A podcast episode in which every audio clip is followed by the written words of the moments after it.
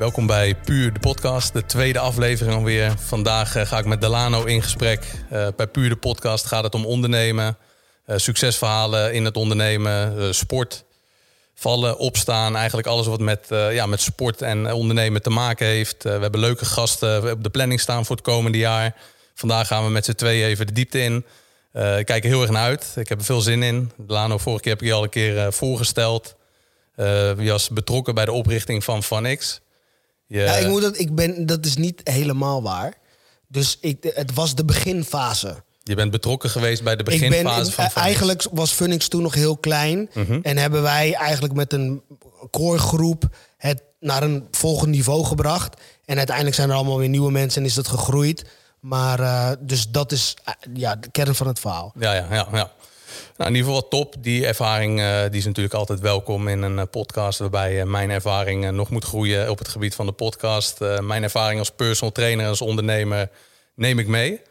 En ja, hopelijk komt dat van pas gedurende de leuke gesprekken die wij gaan hebben, die we gaan hebben met de komende gasten voor het nieuwe jaar. Er staat een hele lijst klaar met interessante gasten.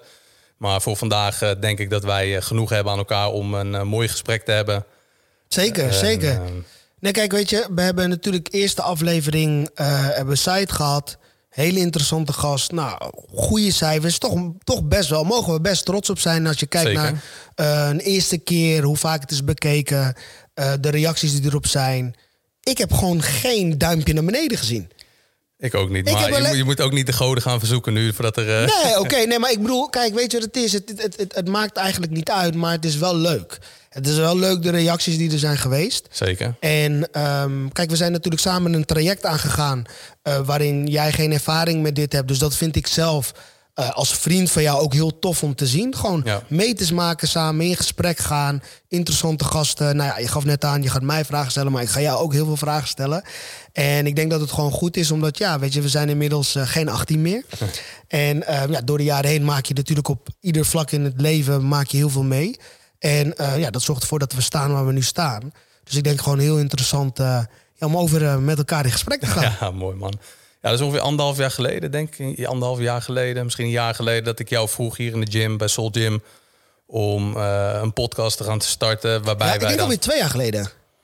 Ik denk, want, want het idee, die, dat, het, het leefde al bij jou. Ja. En ik vond het al gelijk een goed idee. Maar ik denk, kijk, in het leven geloof ik ook heel erg in timing. Ja. En, en je kan wel uh, de intentie is er. En, en, maar op dat moment moest het ook wel gewoon even goed lopen. Nou, uiteindelijk ben jij nu heel druk bezig met uh, je appearance op social media en met de video's en dergelijke. Nou, dan ja. vind je ook een partij met wie je dat samen kan doen.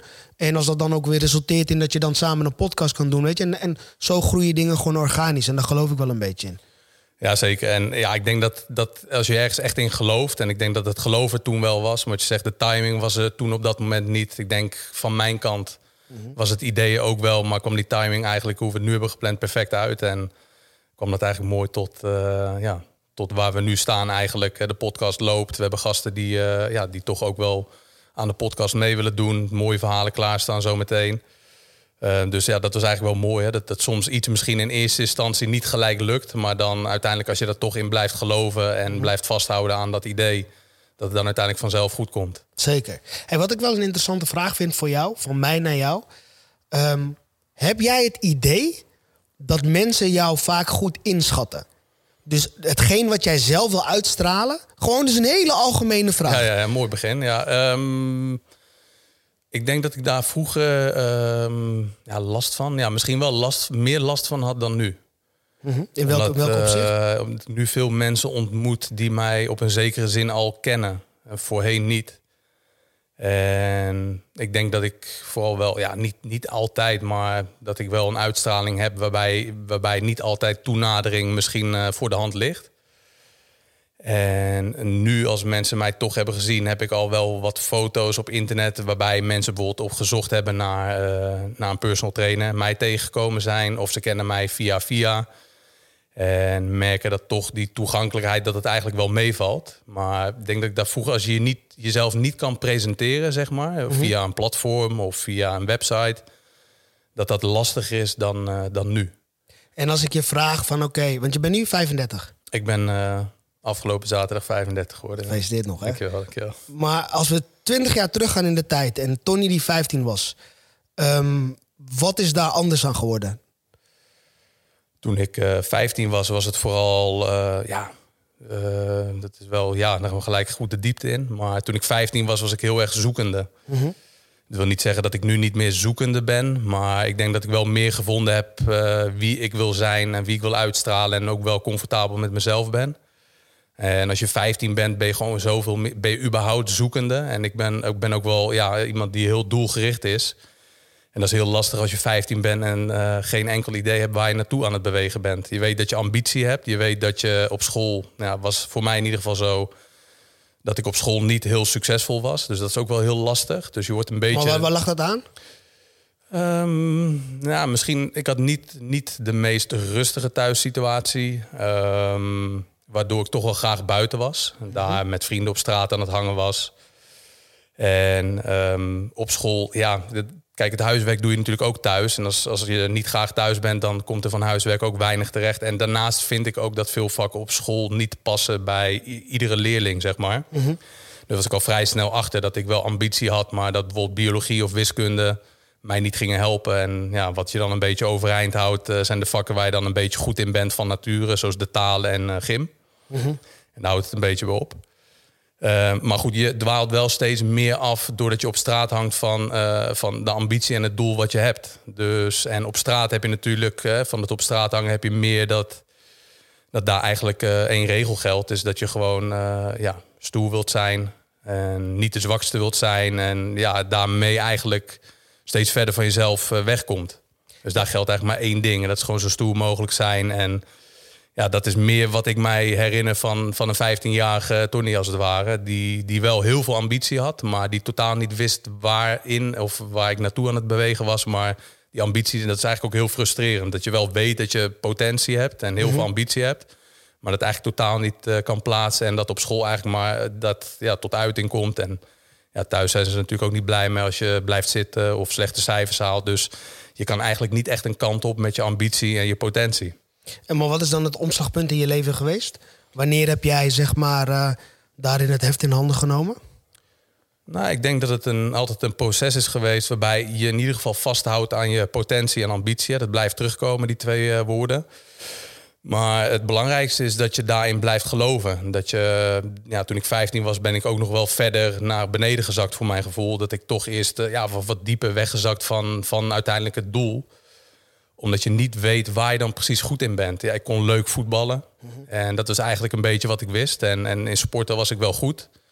Maar ja, er wordt heel weinig gedaan op die leeftijd om te ontdekken waar je dan echt goed in bent. En er wordt heel veel nadruk op gelegd waar je niet goed in bent. Mhm.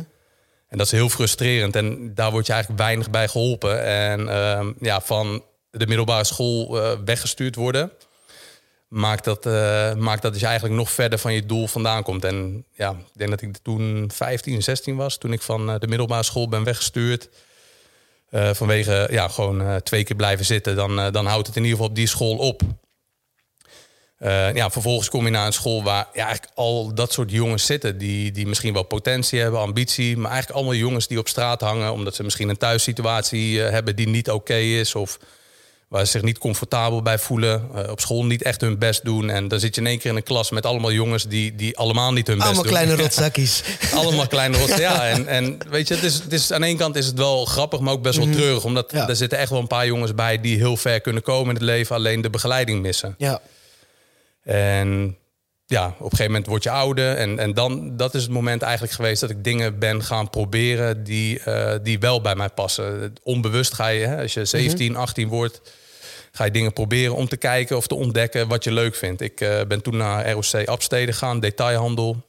En daarbij moet je natuurlijk ook stage lopen. En dat was ook gelijk het einde van, uh, van die opleiding voor mij. Omdat Wat dan? ja, de, de school was op zich wel prima. Kijk, daar, daar wordt helemaal, geen, uh, daar wordt helemaal mm. niet naar je omgekeken. En daar haalt iedereen in principe wel gewoon uh, ja, wel voldoende of niet. Maar het is gewoon een stuk minder streng. Want de leraren kunnen daar met een hele klas vol uh, jongens en meiden die, die niet hun best doen, uh, weinig. En ze zijn al lang blij als je daar gewoon bent. Um, maar goed, toen moest ik stage lopen. Toen ben ik bij Image stage gaan lopen in Utrecht. Op de Lijnmarkt? Uh, op de lijnmarkt. Mm -hmm. En uh, ja, toen merkte ik wel dat ik kleding, uh, kleding wel leuk vond. Ja, je liep er graag leuk bij. ja, dus dat is wel, dat is wel iets wat je, dan, dat, je, dat je dan ontdekt. En kijk, dat is wel heel belangrijk. Want je begint, begint te ontdekken wat je leuk vindt en waar je dan eventueel goed in bent. En ik merkte wel dat, dat gewoon, uh, ja, het kledingvouwen, dat, dat hè, met alle respect, dat zeg ik niet uh, neerbuigend of zo, maar dat, dat was niet mijn ding. Het verkopen van kleding vond ik op zich wel leuk. Vond het wel leuk, want dat is een soort van succes. Mm -hmm.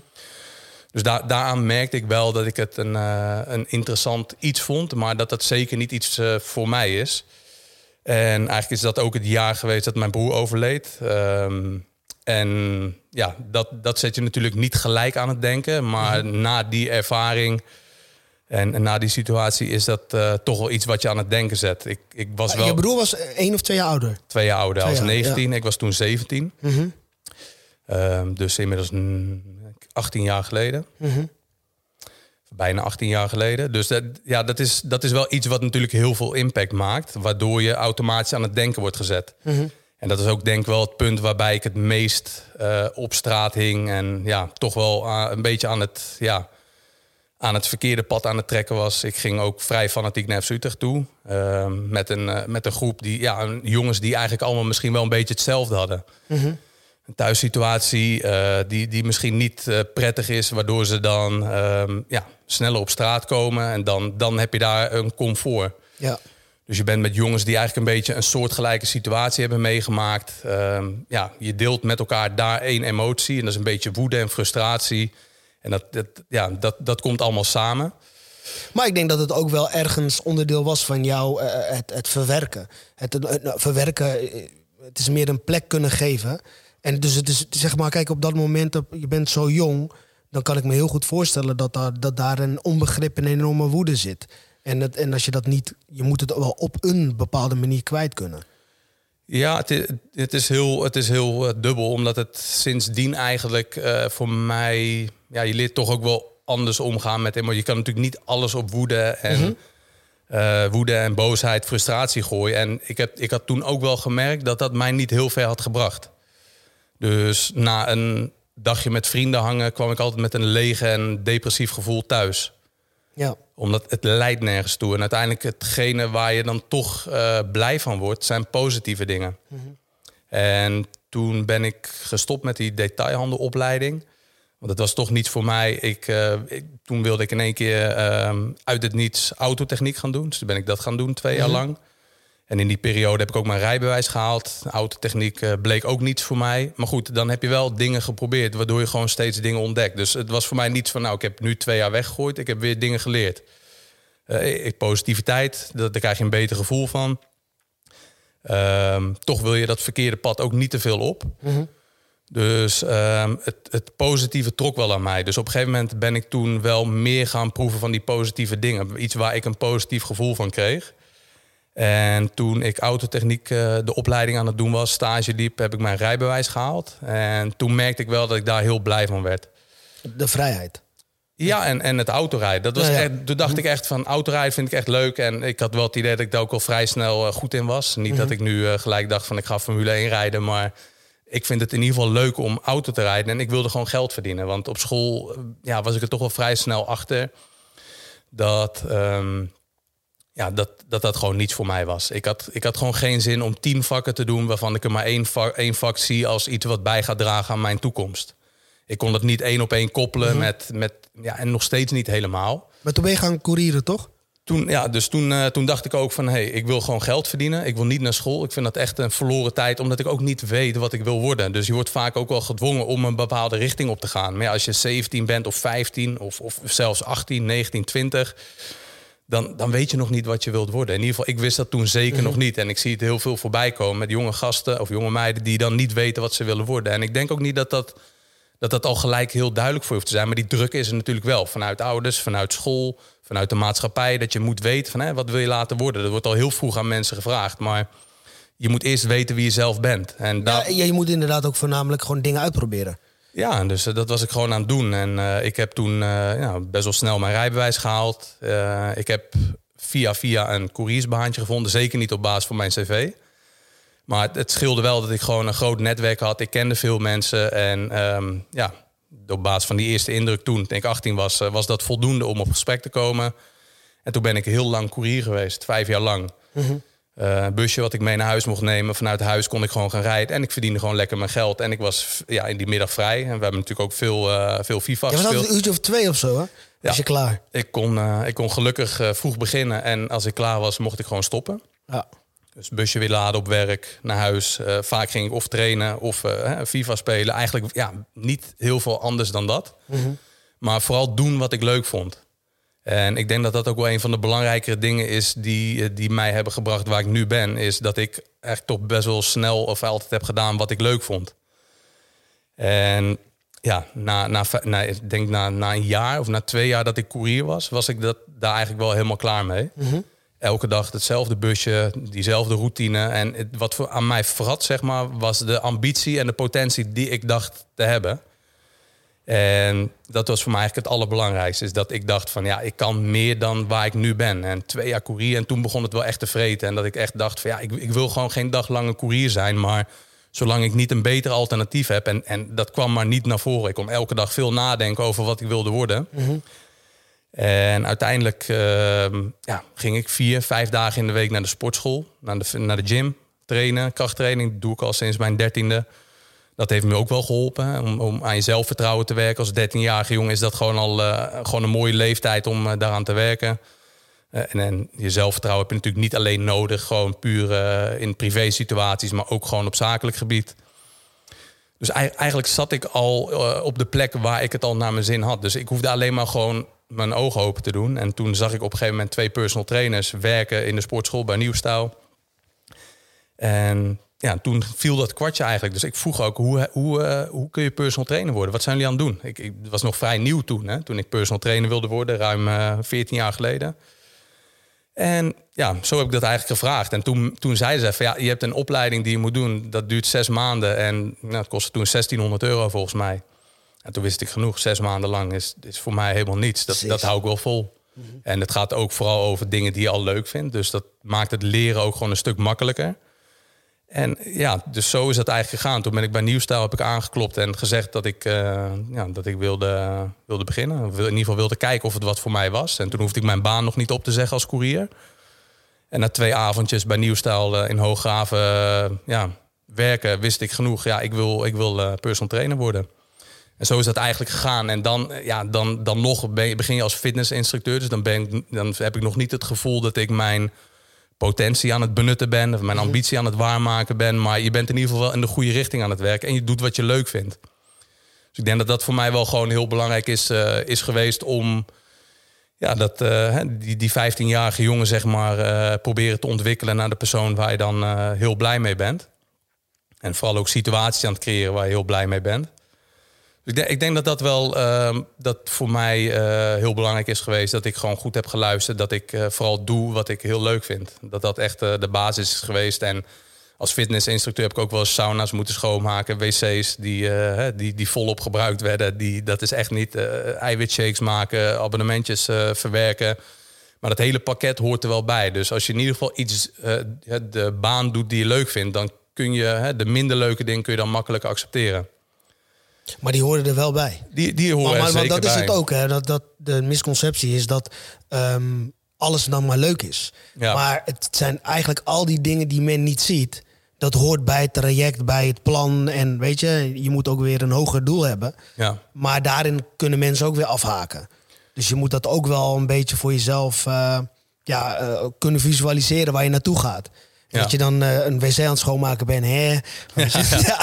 Ja, het, hoort erbij. Het, het, hoort erbij. Ja. Ik denk dat, dat dat gewoon heel belangrijk is. is en je, het doel erachter is gewoon heel duidelijk. Kijk, wanneer je naar school gaat, is, is het doel daarachter niet helemaal duidelijk. Voor veel mensen en voor veel jongeren. Dus ik, dat wil ik er wel bij vertellen voor mensen die, eh, die nu denken van... hé, hey, uh, hij praat mijn uh, zoon of dochter uit de middelbare school. Dat, dat is zeker niet mijn bedoeling, want het heeft me het wel allemaal moeilijker gemaakt. Nee, zeker. Maar kijk, weet je, het is daarin is het ook. We verschillen als mensen.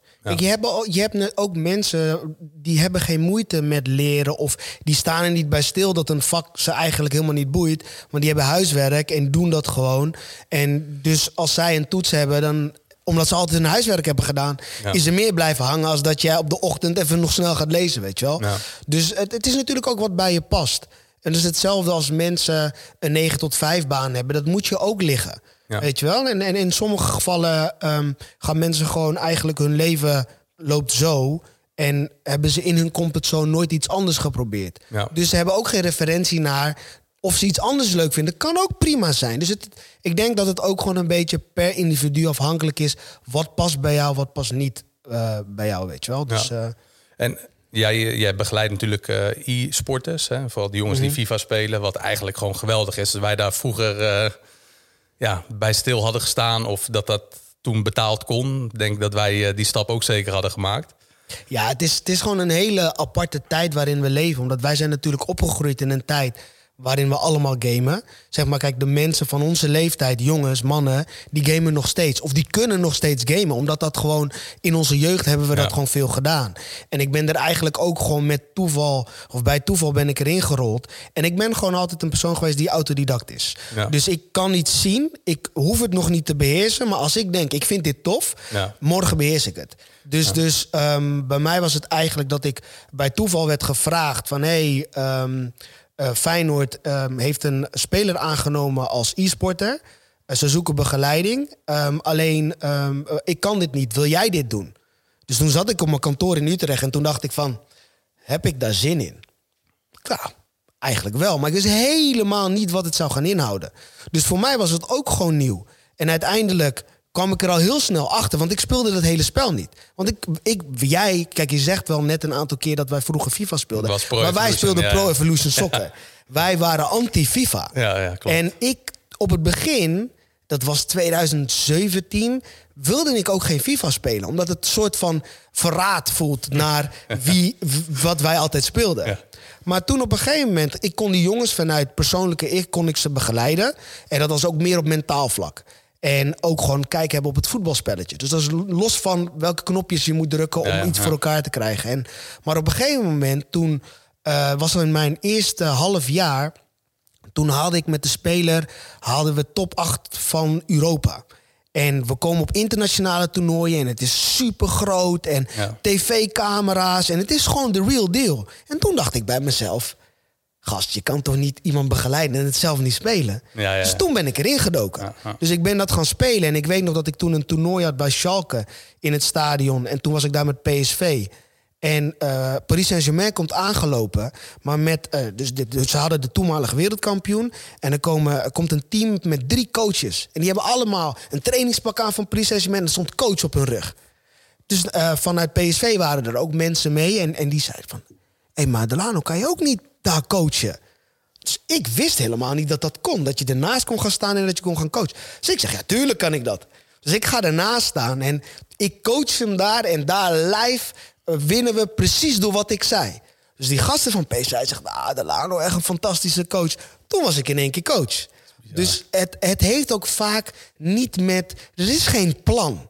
Het is inspelen op wat gebeurt er. En toen ging ik, omdat ik het ging spelen, ik werd daar zelf beter in. Ik ging ook uh, snappen wat ze zeiden als iets niet lukte. Ja. Maar dan dacht ik van oké, dit ligt aan het spel, dit ligt daar. En dus je gaat steeds meer op detail.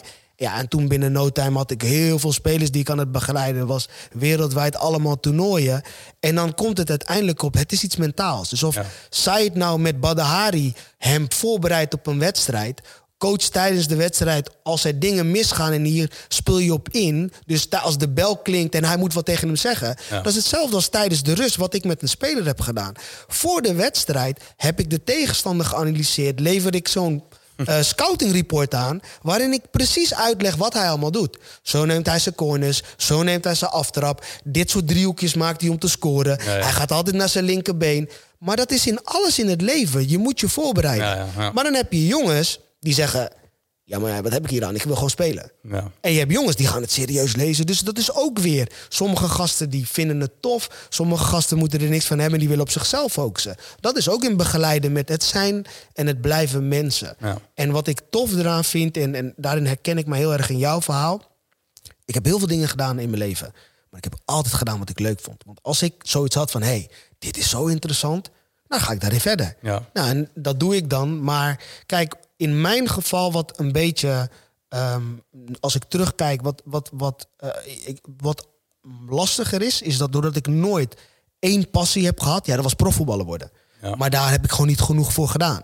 Maar um, al het andere, dus toen ik op een gegeven moment regisseur was en videoclips en documentaires en uh, commercials aan het uh, regisseren ben en ik bedenk allemaal beelddingen, daar ben ik ook ingerold. Ja. Radio maken, daar ben ik ingerold. Heb ik toen heel veel uren gemaakt om goed erin te worden.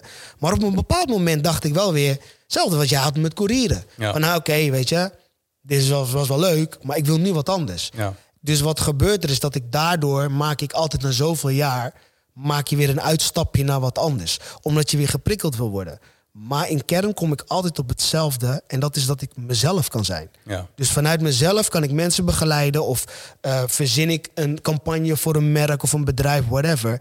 Maar wat ik tof vind, ik zeg altijd: ik kan wakker worden. En het enige wat ik hoef te doen is mezelf zijn. Ja. Ik kan de hele dag lullen. Ik moet praten. ik kun, je dat, kun je dat toelichten? Wat, hoe zou je jezelf omschrijven? Iemand zou jou in uh, willen huren. Wat, wat betekent voor jou jezelf zijn? Of, of hoe, hoe kunnen... Ik denk dat, dat eh, wat het bij mij is, is een gewoon volledige acceptatie in wie ik ben. Dus ik hoef me niet in een situatie anders voor te doen. Dat wil niet zeggen dat als ik ergens ben. Kijk, als ik vroeger een debat moest leiden, eh, dan gebruik ik andere woorden als dat ik bij een andere groep ben en ik sta in overvecht eh, kinderen uit groep 7 en 8 radioles te geven. Dus het is, ik, ik heb het vermogen om me te kunnen aanpassen, mhm. maar ik ben altijd mezelf. En ik heb mezelf nooit anders hoeven voordoen. En dat maakt het eigenlijk dat je altijd rustig bent en kalm. En de situatie kan overzien. Omdat ik weet wat ik zeg. Als ik iets zeg, dan is het. Um, mijn hersenen werken heel snel, maar ik hoef er niet over na te denken. Want het is gewoon vanuit mijn kern. Ja. En dat maakt eigenlijk, en ik denk dat heel veel mensen vinden dat moeilijk, omdat ze al gaan nadenken over van, oh, hoe moet ik in een situatie, hoe moet ik me voortbewegen? Maar hoe wordt er gereageerd als ik dit zeg? Terwijl ik heb juist geleerd van, hé, hey, weet je, ik wil kunnen zeggen wat ik wil zeggen. Maar wat nog belangrijker is, ik heb geleerd om te luisteren. Dus wat mensen vaak denken van... hé hey Delano, je hebt een vlotte babbel, dus jij wil de hele tijd praten. Maar luisteren is het allerbelangrijkste in het leven. Als je goed leert luisteren, leer je te analyseren wat er in een ruimte gebeurt. En dat geeft jou heel veel informatie. En als je dat op de juiste manier weet te verwerken voor jezelf... dan leer je situaties herkennen. Maar dan leer je ook van, hé, hey, een onderhandeling... dit is een beetje hoe iemand ik weet van tevoren al, bijvoorbeeld met een klus, hoe groot een bedrijf ook is, hoef je mij niet te vertellen wanneer ze een, een uh, offerte accepteren of niet. Ik weet precies wat ik moet doen om de offerte te accepteren, dat, dat ik hem geaccepteerd krijg. Maar dat heeft te maken met weten wat je zelf kan. Mhm. Dus je moet altijd kwaliteit brengen. Want dat is wel iets wat, ehm, als jij ingehuurd wil worden, als jij eh, zaken wil doen, alles valt en staat met kwaliteit. Want Anders moet je namelijk heel veel woorden gebruiken. Of anders moet je dingen recht lullen. Terwijl je weet, als iets goed is, is het goed. Is het niet goed, is het niet goed. En ik zeg ook altijd, in klussen voor klanten is niks persoonlijks. De klant wil gewoon zijn product geleverd krijgen. Heeft niks te maken met of ze mij een aardige kerel vinden of niet. En dat is iets wat heel veel mensen moeilijk vinden. Want zij denken, ja, maar ik vond dit heel tof. Dus nu wordt mijn ik wordt helemaal aangeraakt of aangetast. Maar dat is niet waar. Weet je wel? Dus het is ook altijd in perspectieven kunnen plaatsen. Wat gebeurt er nou? Moet ik dit persoonlijk opvatten? Of gaat het om hierom? Zeg maar. Maar goed, om terug te komen op wat je zei. Mijn kern is. What you see is what you get. ja, dat is wel mooi. Maar dat is ook, ja, weet je, kijk, ik, ik, ik ken jou natuurlijk ook al een, eh, een lange tijd. En ik denk dat we elkaar ook goed in dit opzicht aanvullen. We gaan sinds ja, ik, jij was toen aan het. Ik ken jou sinds dat jij. Jij was toen koerier. Dus dat is denk ik, ja, ja, laten we zeggen, 17 jaar geleden. Ja, zoiets. Zo, zo lang kennen wij. Wij zijn toen, denk ik, een jaar of vijf met elkaar omgegaan. Ja, eigenlijk to, totdat ik vader werd. ja, ja. ja, maar dan veranderen wel dingen. Kijk, ik, uh, ik ja, weet je wel. Wij nou, begin ook nog wel hoor. Want ik ben ook nog met mijn kleine, ben ik toen bij jou thuis geweest. Dus, uh, Maar goed, wij zijn wel een periode best wel intensief met elkaar omgegaan. En wat ik wel leuk vind daarna is om te zien op afstand wat voor stappen je hebt gemaakt. Zeg maar, kijk, ik was, jij was aan het courieren, maar ik had gewoon mijn radioprogramma's. Mhm. En ik was gewoon werkzaam in de media en ik deed allemaal dingen. Kijk, jij was dan twee uur klaar met courieren en we gingen gamen. En ik had s'avonds gewoon mijn radioprogramma. Dus ik was gewoon door de radio te horen s'avonds. Dus Alleen had ik in de middag had ik even tijd. Ja, en soms moest je ook nog wel eens wat opnemen. Of uh, mag van niks dat niet weten. Dat je... Oh jawel, oh, tuurlijk. ik, eh, mijn vrienden die hebben van alles moeten inspreken. Zeg maar, altijd als ik wist. Tijd, maar dan wist ik, oh, Tony komt straks, die kan zo wel wat inspreken. ik, kan wel, ik kan wel doen alsof ik de straat op ben gegaan. Hé, ja, hey, maar Tony, je moet even... ja. ja, zo zitten we hier weer. Ja, toch weer. Uh, ja. Nee, maar dat is wel mooi. Dus wij zijn, uh, denk ik, uh, ja, 17 jaar geleden leerden mm -hmm. we elkaar kennen. Via via, denk ik. Hè? Via andere vrienden. Ja. En toen was ja, toch wel de gemeenschappelijke dingen, denk ik, het sporten. We wilden, al, wilden allebei profvoetballer worden. Nou, dat ging hem niet meer worden. Nou, Ik denk vooral wat het meest uh, was in onze relatie, is dat we ziekelijk fanatiek zijn. Zo. En um, kijk, wij kenden elkaar niet, maar in onze eigen vrienden. Kijk, jij was, bent, was best wel een mannetje. Maar dat ben ik ook. Ja. En, omdat, en het clashte niet, maar we wilden niet voor elkaar onderdoen. Ja. Dus, en, en dat, maar het zorgde er wel voor dat we wel een bepaald soort respect hadden voor elkaar. Want jij boog niet, maar ik ook niet. zeg maar. Weet je wel? Er waar een ander, een vriend, eerder zegt van... ah, fuck it, laat maar, man. Maar het was denk ik vooral waar dat naar voren kwam... wanneer we natuurlijk uh, niet FIFA, maar pro uh, mm PES gingen spelen. Dan, dan komt dat naar voren. Want ik denk op andere momenten merkte ik dat niet per se of zo. Weet je, jij had je eigen ding, ik had nee, mijn eigen precies, ding. En precies. Vaak komen dingen tot uiting wanneer je zou gaan voetballen. En dat hebben wij dan niet samen echt gedaan. Uh, maar vooral uh, ja, computerspelletjes spelen. En dan, dan komt natuurlijk het, het beste en het slechtste in je naar boven. En dat is wel mooi. En heeft jou zeg maar, dat fanatisme, zeg maar, dat niet willen buigen in het leven wel eens uh, tegengezeten? Ja, zeker. Want um, in, in, ook in zaak, ik heb echt moeten leren. Um, kijk, als jij jezelf op een bepaalde manier ziet, op het begin ben je nog te weinig bewust van wat voor um, invloed dat heeft op een ander. Of wat een ander. Je bent alleen met jezelf bezig. Dus je denkt er niet over na van oké, als ik dit zeg, kan dat een bepaalde impact hebben. En doordat je ouder wordt, veel meer leert om mensen aan te voelen. Maar ik heb op het begin, tuurlijk loop je tegen de lamp op. Of ik was altijd iemand, zeg maar, ik was op school, ik deed gymnasium, maar ik was een bedweter.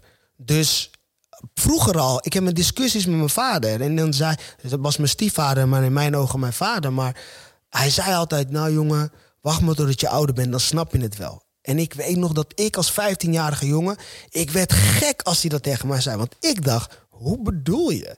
Ik, mens, ik snap dit toch? Ik ben intelligent genoeg. Dus waar heb jij het over? Dus ik was altijd er tegenin aan het gaan. En um, um, als er dan dingen moeilijk werden, was ik een wegloper. Dus op het moment. Het, Delano was de meest gezellig als iedereen Delano fantastisch vond. Maar als er uh, tegengas kwam, of als iemand zei: Nou, Delano, dat is niet zo goed wat je hebt gedaan. Dan zei ik hier en dan liep ik weg. Ja. En ik, dat was bij de radio. Ik, eigenlijk toen ik bij Funix ging werken. De eerste drie maanden dat ik als verslaggever ging werken, kreeg ik feedback. Alles was fantastisch. En na de eerste twee maanden. Het was fantastisch, de Lano Bla. Dus ik dacht helemaal, ik heb mijn roeping gevonden. En na de twee maanden, elke maandag kreeg ik een mail. En ik werd met de grond gelijk gemaakt. En ik weet nog dat ik naar mijn moeder ging en ik zeg: Ma, volgens mij kan ik er helemaal niks van. Ik zeg: Ik snap het niet. Twee maanden lang heb ik alleen maar gehoord: de Lano dit, de Lano dat. Maar ik kan er niks meer van. En toen zei mijn moeder tegen mij. En dat is dan op zijn Maleise zijn jong. Dat is zeg maar liefkozend Jongen, mhm. luister even naar mij. Ik denk dat dit gewoon positieve feedback is. Ga dit even aan. Zit het uit. Probeer het te lezen en te begrijpen. En ga ermee aan de slag. Hou dit twee maanden vol. Als het dan niks is, stop dan. Dat was het beste advies wat ik in mijn leven heb gehad. Toen dacht ik voor het eerst, weet je wat? Ik ga dat doen. Toen ben ik dus daarna gaan luisteren, heb ik het over me heen laten komen, ben het gaan toepassen. En toen na een maand sloeg het weer om. En ik weet nog dat mijn toenmalige programmaleider zei: dat was voor mij maken of kraken. Van oké, tot een zeker niveau ga je mee, maar pak jij het volgende leveltje. En als jij hier niet tegen kan, dat betekent dat je ongeschikt bent om. En doordat ik naar mijn moeder heb geluisterd. En eigenlijk is vanaf toen mijn leven in een stroomversnelling gegaan. Omdat ik toen snapte van ik moet eigenlijk niet zo op mijn eigen lucht zitten. Ja. maar dat is, dat is gewoon als je vanuit veel emotie leeft en heel passievol bent, is dat ook vaak de keerzijde. Mensen die heel rationeel leven, die kunnen dat gewoon goed relativeren. En kritiek accepteren en zowel positief kritiek die niet naar hun hoofd stijgt. En vervolgens ook negatieve eh, kritiek die niet gelijk al uh, wat uh, bloed laat koken. Maar zitten wij daar niet een beetje hetzelfde in elkaar? Ja, ik, ik denk het wel. Ik had eigenlijk niet verwacht dat jij daar ehm, ja, op het gebied van werk... Of, of dat jij daar minder last van zou hebben. Ik dacht dat je dat beter onder controle had. En dat, dat ik daar toch altijd wel meer...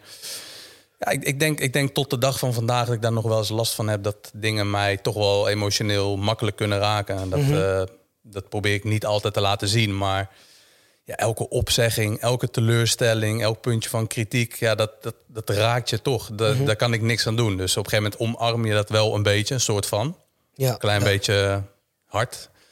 Ja. Nee, het is, ja, het, is, het is iets wat je, ja, wat, wat toch wel tot je, ja, tot je doordringt, zeg maar. Wat dan toch net op een andere manier, omdat mijn bedrijf is ook wel een soort van je kind, weet je wel. Dus je hele hart en ziel zit erin. Dus het is mhm. niet zomaar iets wat je op een, uh, ja, op een dinsdag hebt bedacht en gaat doen ik werk niet voor een baas en dat, dat doe je ook met de specifiek. Maar alles zit erin. Weet je. je hebt daar bijna alles voor moeten laten wat je wilt. Ik, ja, je weet het natuurlijk ook wel de Champions League avonden op een gegeven moment die, eh, die we niet meer samen keken. Of hè, de, mm de, de, de PES-middagjes eh, dat je op de PlayStation uh, ja, aan het gamen bent, die waren allemaal weg op een gegeven moment. En dat doe je met een bepaald doel. Ja.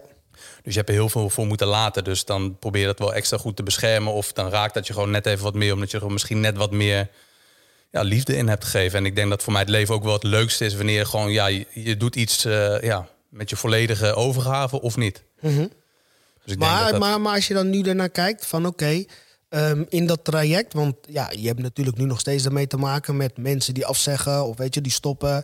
Uh, hoe ga je daar nu anders mee om? Ik probeer het om te zetten tot iets positiefs. Dus ik, ik ja, het kan me wel gewoon raken en dat accepteer ik dan ook wel. Ik probeer het in ieder geval niet iets te laten beïnvloeden, maar ik probeer het om te zetten in uh, motivatie. Mhm. Dus wanneer. Maar ga je dan ook bij jezelf te raden? Bijvoorbeeld in de zin van: oké, ehm, stel je achterhaalt wat iemands reden is. Ga je dan ook kijken van: oké, kan ik misschien soms bepaalde dingen anders inrichten? Vroeger zeker niet. Dan was het meer gewoon is dat je dan een spiegel voor iemand neerzet en denkt van ja, als iemand opzegt, dan, uh, dan, probeer, kun je daar niet, dan kun je daar moeilijk naar luisteren. En dat wordt wel steeds duidelijk is dat je van je opzeggingen, van je kritiekpunten, uh, van je falen, dat je daar het meeste van leert. Hm. Dat wanneer eigenlijk dingen goed gaan, is wel heel leuk. Maar daar, ja, daar, daar zit geen les in. Weet je wel, als mensen die doorgaan, continu zijn natuurlijk heel blij. Dat, dat kun je daar wel van leren. Maar ja, soms is het juist goed, wat je net ook zegt, heel mooi. Is dat je soms even gewoon even wakker geschud moet worden. Van ja, weet je, dit gebeurt er nu en dit is er nodig. Dus vaak eh, komt daar dan ook wel weer iets moois uit. Ja, ik, ik, ik heb dat zelf, heb ik dat ook wel meermaals ervaren. Dat hoe groter het succes van je bedrijf is, hoe groter de klussen, de opdrachtgevers, maar ook de verantwoordelijkheden. Want als jij een opdracht accepteert en uiteindelijk moet je dat succesvol doen. Ik weet nog dat op een gegeven moment had ik voor uh, Veronica een x aantal concerten die we maakten. En toen uh, maakten we het uh, oud en nieuw concert voor de Opposites. En zij deden dat concert in de Paradiso. Nou, dan heb je een heel plan daarvoor. En je gaat, meerdere keren zit je. Je bent bij repetities. Je zorgt dat je helemaal het plan weet. Je hebt je camera's, je hebt je mensen. Alles is tip-top geregeld. Op de dag zelf heb je 25 mensen daar rondlopen om dat in goede banen te leiden. En ehm, op het laatste moment besloten de heren om ehm, de show in het donker te gaan doen. Maar we hebben hier camera's. Als wij nu die lichten uitdoen en het is donker, is vrij lastig. Maar dan moet je beseffen dat je een oud en nieuw concert aan het maken bent voor Veronica. Dus op dat moment word je gek. Maar het enige wat je daarna moet doen is hoe, uit wat voor hout ben je gesneden? Ga je met de billen bloot? Wat ga je doen? En ik vind dat eigenlijk aan ondernemen het mooiste wat er is. Want dat vertelt jou pas wat voor kerel ben jij. Want wat je zegt klopt. Alles in een team is ook gezellig als alles goed gaat. We winnen, gezellig, we doen een biertje met elkaar. Maar als je tien keer achter elkaar verliest, nou, dan vindt niemand elkaar meer aardig. En, en ik heb dat, wat jij zegt, ook eigenlijk de failures of life en de failures of van dat je naar jezelf kijkt van oké, daar heb ik het meest van geleerd. En ook dat je dan voor jezelf erachter komt, het maakt niet uit hoe groot de tegenslag is, ik sta op en ik kom nog harder terug. Uiteindelijk hebben we het concert opnieuw gedaan. Water bij de wijn gedaan, Topnotch wat geld ingeleverd, Veronica wat geld ingeleverd, wij wat geld ingeleverd. Hebben het toen in Tilburg in de 013 hebben we het opnieuw gedaan. En toen is het een fantastisch concert geweest. Dus als ik het nu voorbij zie komen, dan denk ik van ja, het verhaal daarachter was een prachtig leermoment. En ik denk dat dat uiteindelijk, als je dan terugkijkt, blijf je herinneren. De mooie momenten zijn leuk, maar die vergeet je ook weer. Want, want het zijn vooral de momenten waar het niet is gelukt. Die blijven hangen. Ja, waar iets heel, met heel veel pijn en moeite is gelukt uiteindelijk. Ja, ja. maar daar ben, je, daar ben je veel meer trots op. Als iets waarvan jij het idee had van ja, dat, dat zat wel goed. Ja. Dat kan wel goed. Dus dat, uh, ja, nee. Ik, maar ik vind het mooi. Ik vind dat echt mooi.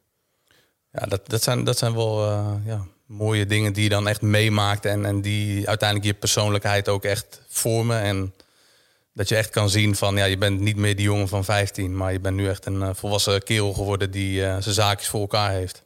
Ja, nee, maar dat is ook wel gewoon leuk. Kijk, en, kijk, in mijn geval, ik heb twee kinderen. En als je kinderen uh, hebt, dan krijgt alles weer een nieuwe betekenis. Omdat um, ik vind het meest mooi om de ontwikkeling van mijn kinderen te zien. Maar om mijn gedeelte uh, aan hen te kunnen geven om ze een zo mooi mogelijk mens te maken. En twee mensen die weten en snappen dat alles mogelijk is. Het maakt me echt niet uit wat ze gaan doen. Maar ze mogen niet denken van het kan niet. Het kan altijd. Soms kost het meer tijd. Weet je wel, en dat vind ik zo mooi om aan mijn kinderen te zien. Dat, ik, dat je levenslessen kan meegeven aan ze. En uiteindelijk pakken ze ervan wat ze ervan kunnen pakken. Maar het is heel tof om te zien. Een heel klein voorbeeld. Mijn dochter, um, mijn dochter lijkt op heel veel dingen lijkt ze op mij. Um, maar het sociale, ze is sociaal, maar op haar eigen manier. Ze is ook heel erg op zichzelf. Dus toen zei ik tegen haar, kijk, ze kan heel goed dansen. Al van kleins af aan. Toen zei is dat voor jou? Ik kan wel dansen, maar ik kan niet zo dansen hoor. Nee, nee, dat, ik zeg altijd even van mijn zus. Mijn zus kan heel goed dansen. Uh, de kinderen van mijn zus ook. Maar um, toen zei ik tegen haar, mijn dochter heet Nala. Ik zeg, Nala, als jij ochtends naar school gaat, vraag je wel eens aan iemand: hey, hoe was je weekend? Als je weet dat iemand tennist, hey, heb je nog gespeeld? Heb je gewonnen? Of iemand hockeyt, het maakt niet uit. Ik zeg, interesse in mensen maakt jou een fijner mens.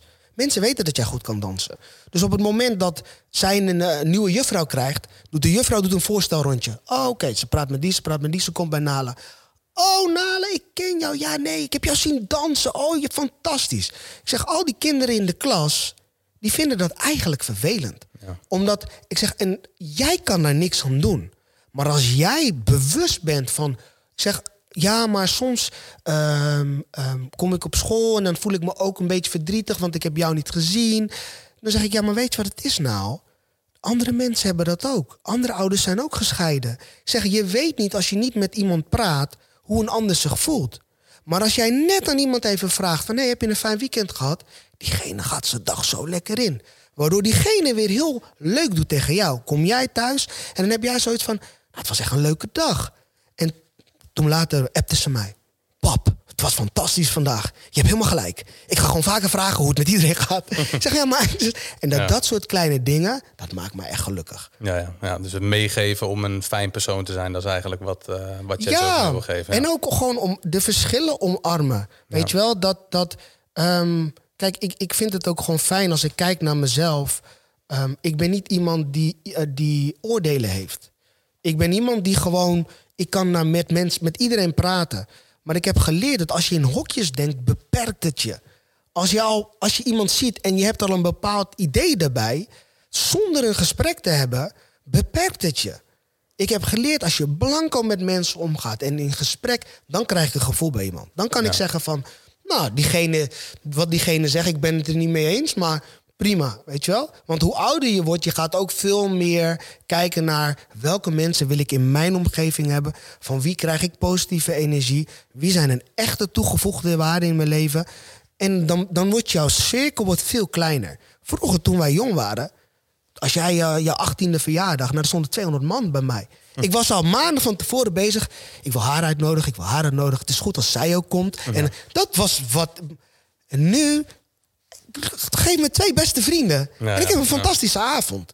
Weet je wel? Dus dat is ook een beetje wat het leven met zich meebrengt. je moet het ook inzien. Ik denk dat je op bepaalde leeftijd, uh, ja, bepaalde leeftijd dat niet inziet waarom iets zo belangrijk is. Je bent dan gewoon bezig met de waan van de dag. Je kijkt niet zo ver vooruit. Je, je luistert niet zoveel naar je gevoel.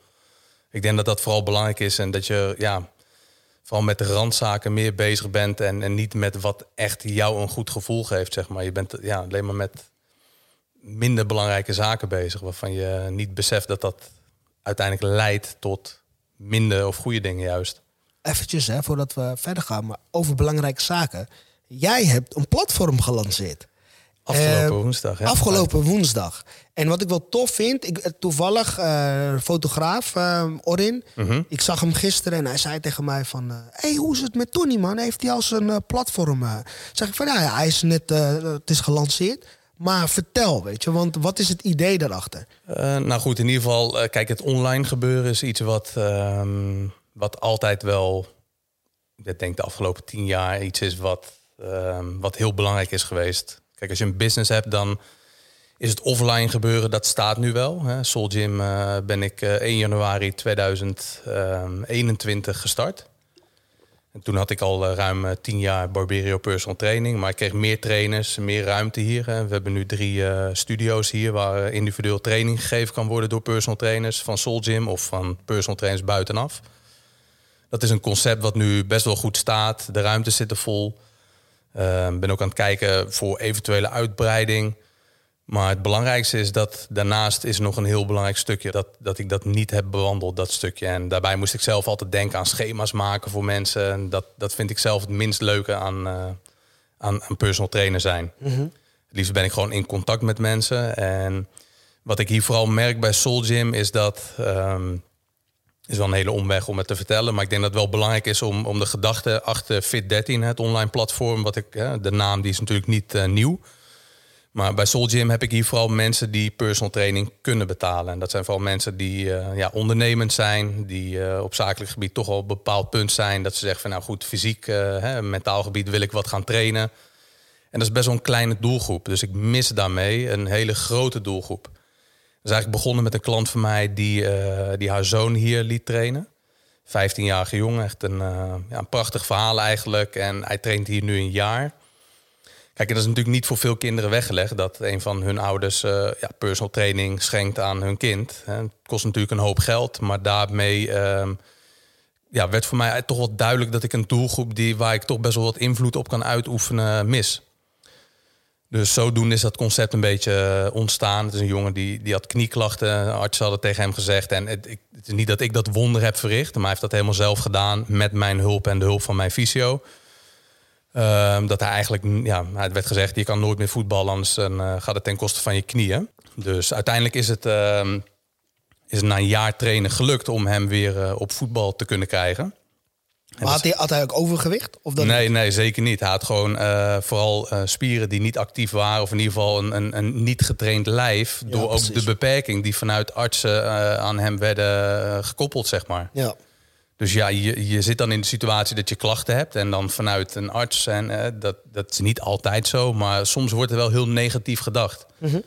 Iemand heeft een bepaalde slechte startsituatie. En dat wordt dan als ook eindsituatie gezien. Dat, dat is heel kwalijk. dus ik ben heel blij dat ik de gelegenheid heb gehad om in ieder geval mijn motivatie en kennis te delen met, uh, met deze jongen en die jongen te trainen. Hij kwam netjes twee keer in de week, dus het is wel heel belangrijk dat hij elke keer kwam. En ook naar de fysio gegaan. Dus in, uh, in combinatie met de fysio werd het een heel mooi traject waarbij hij echt berensterk is geworden, goed fysiek heeft opgebouwd, veel zelfvertrouwen. Dus voor mij werd duidelijk dat ik dat stukje echt miste. En ik, ja, ik kan niet dat op een andere manier doen. Groepslessen geven, dat is hem ook niet. Maar ja, online. Kijk, elke 15-jarige die is online actief. En ik moest toch een keer, voor mijn gevoel, dacht ja, ik wil, ik wil gewoon een nieuwe stap maken. En hè, die uitdaging die jij nodig hebt, die heb ik ook nodig. En Fit 13 lag al in de kast. Daar kom ik zo wel even op terug hoe dat is ontstaan. Maar de naam die, uh, die kon ik gewoon gebruiken. Fit13, uh, dat is een naam die ik eerder al heb opgezet. Om, om dan dat nieuwe platform te starten. De logo lag er nog, de domeinnaam had ik nog. Dus zo ben ik dat eigenlijk gaan starten. Dus ehm, fit13.nl, een online platform. het grootste online platform wat ik neer aan het zetten ben. Waarbij ik mijn 20-jarige ja, 20 jaar ervaring en kennis met, uh, met de mensen wil delen. En het is niet per se voor, voor alleen jongeren. Het is eigenlijk voor jong en oud. Voor mensen die naar de sportschool gaan en in de knoop komen met oefeningen. Want in de sportschool mhm. heb je natuurlijk ja, weinig begeleiding. Weinig tot geen begeleiding, tenzij je een personal trainer neemt. Dus daarmee dicht ik eigenlijk die, of uh, ja, speel ik in op de behoefte dat mensen toch hun oefeningen goed willen uitvoeren. En dat gewoon vanuit huis uh, willen inzien. Dus ze kunnen de video's bekijken van de oefeningen die ik dan uh, met het team heb gefilmd de afgelopen mhm. maanden. Daar hebben we hard aan gewerkt. En daarnaast heb ik ook nog de meest uitgebreide voedingsapp die er op dit moment is. Waarbij je op basis van jouw doelstelling, jouw lengte, gewicht, hoeveel je slaapt, hoe hard je werkt of naar school gaat en je doelstelling een heel persoonlijk voedingsschema maakt. Elke dag worden daar nieuwe voedingsschema's ingezet. Mhm. Met mooie foto's, 1500 recepten. Uh, nou, gewoon ook hoe je de gerechten kan bereiden. Dus da daarmee heb je eigenlijk alles in huis om resultaat te behalen. Ja.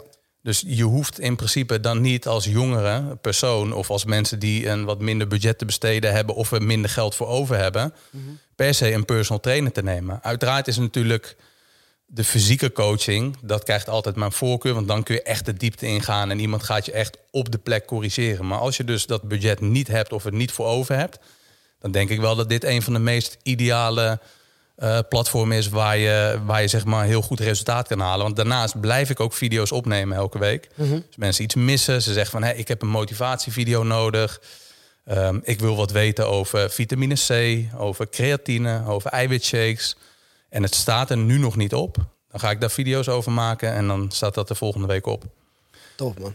Dus dat is uh, ja, toch wel tientallen aanmeldingen gehad in die eerste week. En uh, ik verwacht wel dat dat op. Hoe zijn de eerste reacties? Heel goed, heel positief. Ik heb ja, heel veel mensen die, die daar gewoon heel positief op, op reageerden. Verrast ook wel van hoe, hoe uitgebreid het eigenlijk is. Hoe, mm -hmm. hoe goed het eruit ziet, hè, als ik hun woorden mag gebruiken. Dus dat, ja, dat is mooi. En ehm, dat, ja, dat moet gewoon gaan groeien de komende tijd. Dus dat is iets wat, waar ik nu mijn tanden in heb gezet en dat niet wil loslaten. Bijten, jongen. Bijten, ja, ja, precies. En nou ja, kijk, uiteindelijk heeft het toch gewoon tijd nodig om ja, om, om tot een groot succes. Ik kan niet verwachten dat het binnen één dag al duizenden leden. Want dan, dan zou het te makkelijk gaan. Ik denk dat alle mooie en bijzondere dingen in het leven gewoon tijd kosten. Mm -hmm. En ik gebruik zelf wat mooi voorbeeld is dat ja, het verschil tussen een Toyota en een Rolls Royce. De Toyota wordt in één dag gebouwd en de Rolls Royce in zes maanden. Mm -hmm. Dus dat is altijd wel een mooie metafoor om ergens naartoe te werken. Dat, en, en met een lichaam ook. Ik denk dat dat ook gewoon een mooi bruggetje is. dat als mensen resultaat willen halen wil ik ze ook begeleiden. Van oké, probeer niet gelijk in één dag heel gespierd te worden als je dat nu nog niet bent. Kijk gewoon naar waar je vandaag staat en werk geleidelijk toe naar een ander doel. Ja. Een haalbaar doel.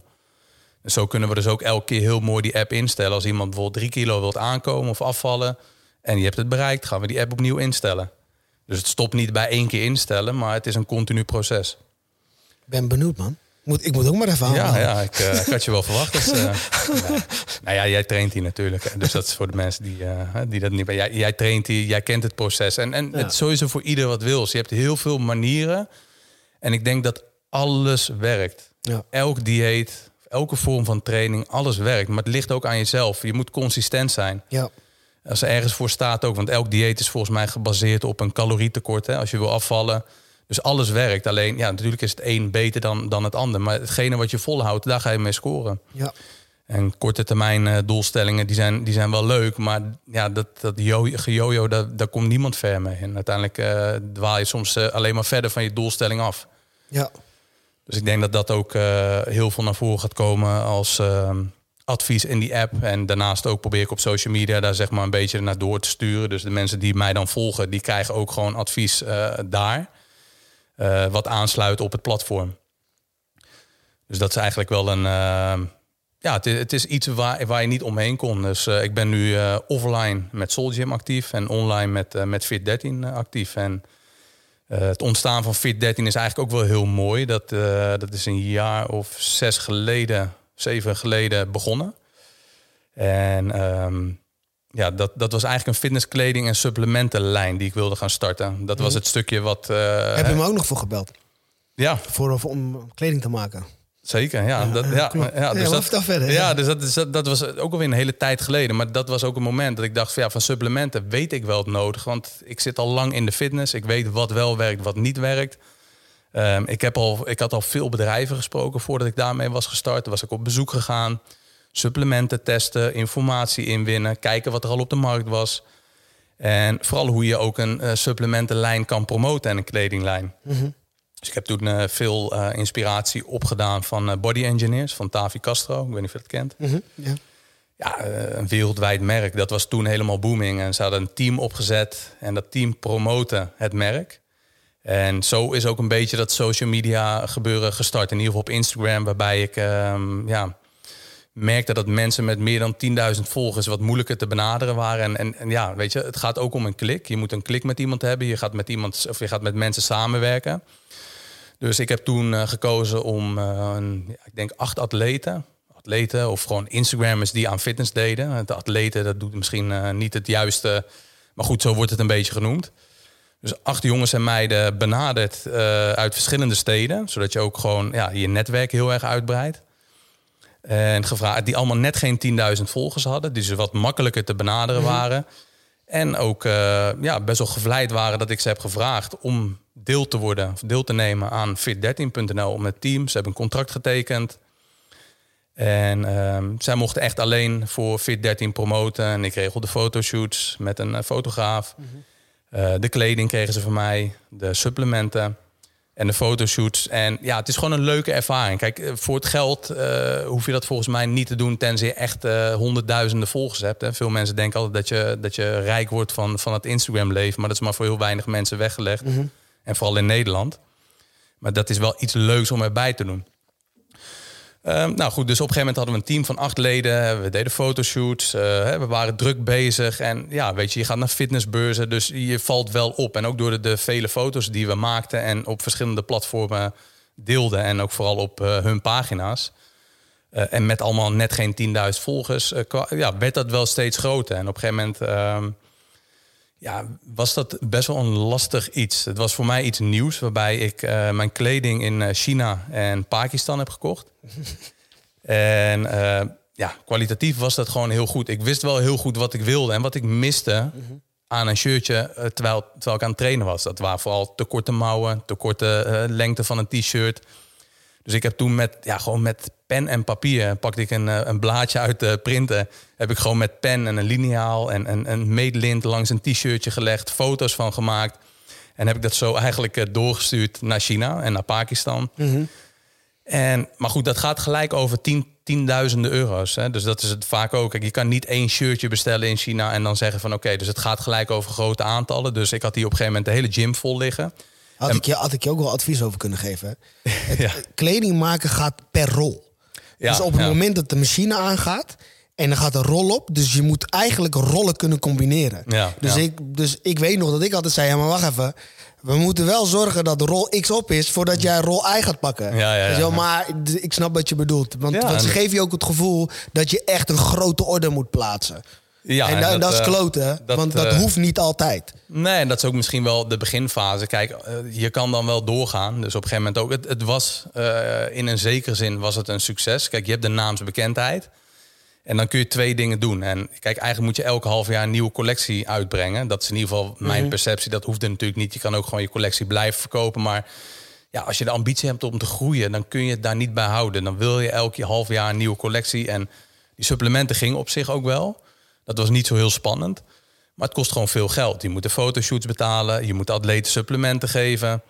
Um, ja, en die kleding, dat, dat, dat liep op zich wel. Alleen, ja, op een gegeven moment lag hier nog wel een hele grote voorraad. En ja, dan moet je dus, als je dat niet hebt verkocht, moet je weer een hele grote investering doen. Mhm. En op dat moment ging ook best wel veel tijd naar Fit13 en wat minder uh, tijd naar Barberio Personal Trainingen, zoals mijn bedrijf voorheen heette. Dus toen moest ik wel echt de keuze maken van oké, ga ik nog een keer de investering doen in Fit 13 uh, met het risico dat, uh, dat Barberio Personal Training, um, ja, dus ik moest echt de keuze maken. Ja. En toen heb ik gezegd van nee, dat, dat is mij niet, want Barberio Personal Training is altijd een soort van goed voor mij geweest, heeft mijn rekeningen betaald, heeft ervoor gezorgd dat ik gewoon de dingen kon doen die ik leuk vond. Dus toen dacht ik ook van. En, en natuurlijk ook, je hebt een band opgebouwd met de mensen die al bij, bij jou trainen. Dus ik dacht ook van nee, dit ga ik niet doen. Ik ga, nu, uh, ik ga dit nu afkappen. Ik stop met Fit 13. Maar goed, ik, ik dacht ook van dit kan altijd nog een keer in de toekomst. hoe lang heb je dat eigenlijk gedaan? Uh, ik denk ruim drie jaar, drie tot vier jaar ongeveer. Ja, laat zeggen drie jaar. Ja. Drie jaar toen heb ik gedacht mhm. van oké, okay, de voorraad die ik nu hier heb, ga ik proberen te verkopen. Mm uh, maar goed, kijk, je, hoeft, je bent niet failliet. Je stopt gewoon met een bedrijf. Dus ik heb Fit13 eigenlijk weer terug de koelkast ingedaan. Uh, de voorraad verkocht. En toen heb ik dat afgekapt. En toen had ik wel gewoon op Instagram ja, gewoon een uh, account opgebouwd. ik kwam zelf ook wat meer op de foto. Ik, ik was daar nooit zo'n voorstander van. Maar daar ben ik wel een beetje begonnen met mijn, met mijn social media account. mede dankzij de fotograaf die dat heel erg pushte. Hij zei, ja, je moet ook gewoon daar mm mee gaan doen. En aan de andere kant dacht ik ook, ja, weet je, ik heb in deze groep en binnen dit team heb ik wel de meeste fitnesservaring, weet je wel. Dus ben ik echt ja, ergens aan, naartoe aan het werken. Dus ook zonde om dat niet te gebruiken. Ja. Maar goed, dus ja, dat gaf, weet je, dat is dan, dat is dan wel heel mooi. Op het moment dat Fit 13 eigenlijk terug de koelkast in ging, uh, was dat wel even pijnlijk, jammer. Want het voelt dan toch van, ja, het is niet helemaal gelukt zoals ik het hoopte. Uh, maar toen uh, is uh, ja, Barbero Personal Training gelijk in een stroomversnelling geraakt en heel goed gegaan. En werd het hier drukker, een andere trainer erbij en nog een trainer erbij. En op een gegeven moment zat de gym vol. Dan kwam beneden, hier beneden beschikbaar.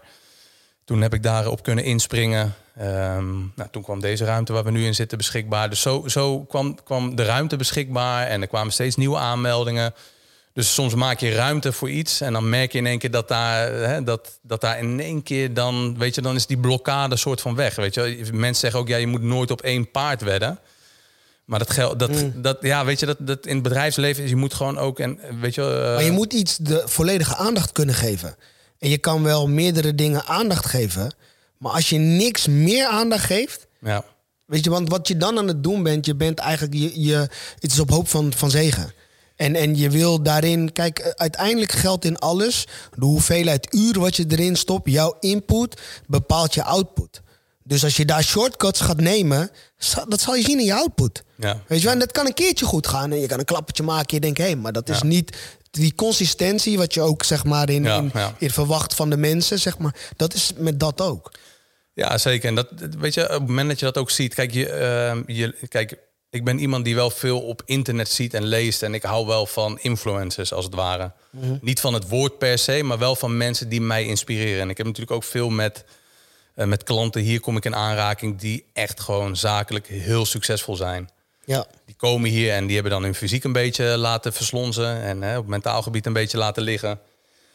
Maar daar krijg je veel tips mee. En je ziet op internet ook veel mensen die zeggen van ja, je moet je focussen op uh, meerdere inkomens. Je moet een passief inkomen hebben. Dus ik denk wel dat veel mhm. mensen ook gek gemaakt worden ja. door wat ze op internet zien. Weet je van ja, nee, uh, passief. Je moet uh, dit doen, je moet dat doen. Maar ondertussen vergeten heel veel mensen de basis. Ja.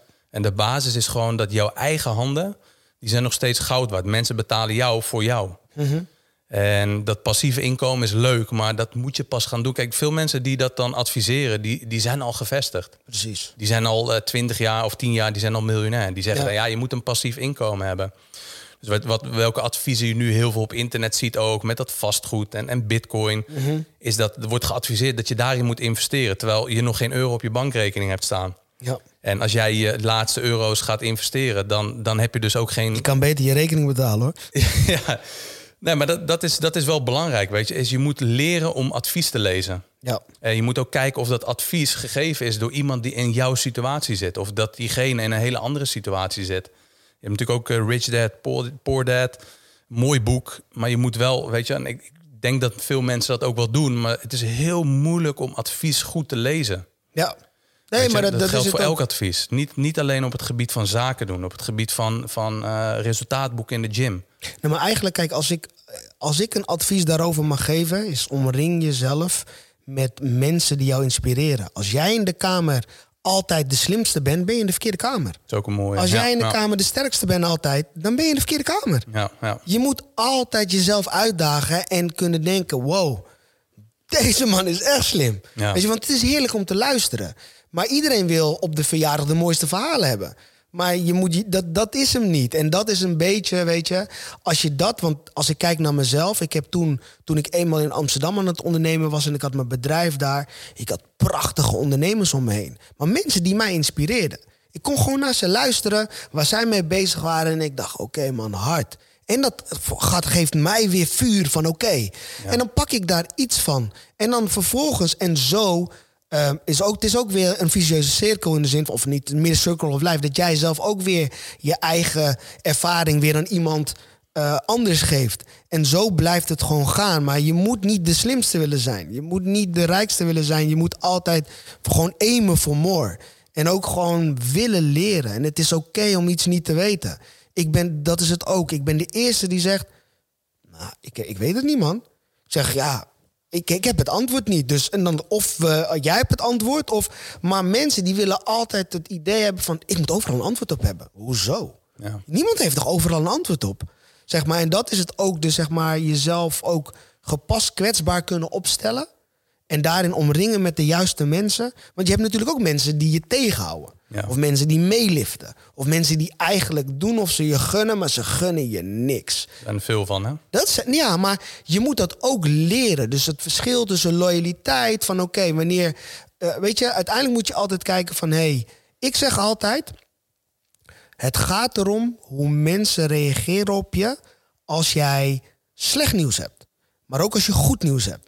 Want als jij echt goed nieuws hebt, dat is echt iets wat jij fantastisch vindt. Bijvoorbeeld, jij zegt tegen iemand: hey, fit 13.000ste aanmelding. En als mensen niet oprecht reageren, maar mellow. Oh ja, wat leuk, maar wat ga je vanavond eten? Beetje voldoende. Ja. Zeg maar, het is niet dat iemand helemaal. Maar het is de oprechtheid. Zeg maar, en ook bij slecht nieuws. Als jij zegt, weet je, als iemand daar ook geen aandacht aan... En dan weet je of mensen ook oprecht met jou zijn. En ik denk dat dat ook wel... Weet je, mensen willen ook vasthouden aan andere mensen... omdat ze bang zijn van... hé, hey, ja, maar misschien vindt die mij niet meer leuk... of ik werd niet meer uitgenodigd op verjaardag X. Ja, maar ik ken diegene al 30 jaar. Weet je wel, ja... Uiteindelijk, je moet gewoon kijken wat, wat, ja, wat zorgt ervoor dat je verder gaat. En, en, en in sommige gevallen komen mensen ook weer terug in je leven. Ja. Weet je wel, dat is het ook. Dus zoals wij elkaar weer, je komt weer terug in elkaars leven. Omdat eigenlijk is die oprechtheid altijd geweest. Zeker. Maar het is oké dat op een gegeven moment jij gaat links, ik ga rechts. Zonder dat er ooit iets is gebeurd. Maar het komt toch wel weer bij elkaar terug. Weet je wel, en dat, dat is denk ik wel wat, uh, ja, wat, wat, wat wel interessant voor mensen kan zijn. En dat mensen toch ook wel onderschatten hoeveel invloed jouw omgeving op jouw succes heeft. Heel veel. Heel veel. Maar gewoon echt in positieve en negatieve.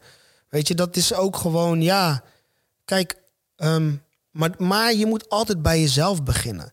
Want je moet ook niet, je kan advies vragen, wat vind jij hiervan? Mhm. Maar het belangrijkste is dat je er zelf wat van vindt. Ja, ik denk, ik denk dat het meest belangrijke voor mij is waar ik het, dat zei ik al eerder, dat toen ik 15 was, of misschien al jonger, en daar ben je er nog niet zo bewust mee bezig. Maar het gevoel wat je uh, hebt als je bij mensen weggaat, is voor mhm. mij heel belangrijk. Daar luister ik nu veel meer naar. Dus het gevoel wat je, ja, weet je, als je een, een leeg gevoel hebt wanneer je bij mensen weggaat, of juist een opgewekt gevoel.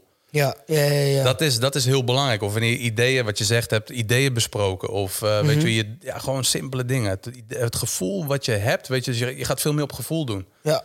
En het gevoel van ja, wat andere mensen jou geven. En wat je zegt ook, ik denk dat, dat veel dingen, en dat heb ik ook wel gehad, dat als je jonger bent, dat je bepaalde dingen niet doet, omdat je gewoon weet hoe mensen gaan reageren. Of dat je bezig bent hoe mensen reageren. Ja, maar dat is ook wel normaal. Hè? Het is normaal in de zin van dat hoort een beetje bij het opgroeien en volwassen worden.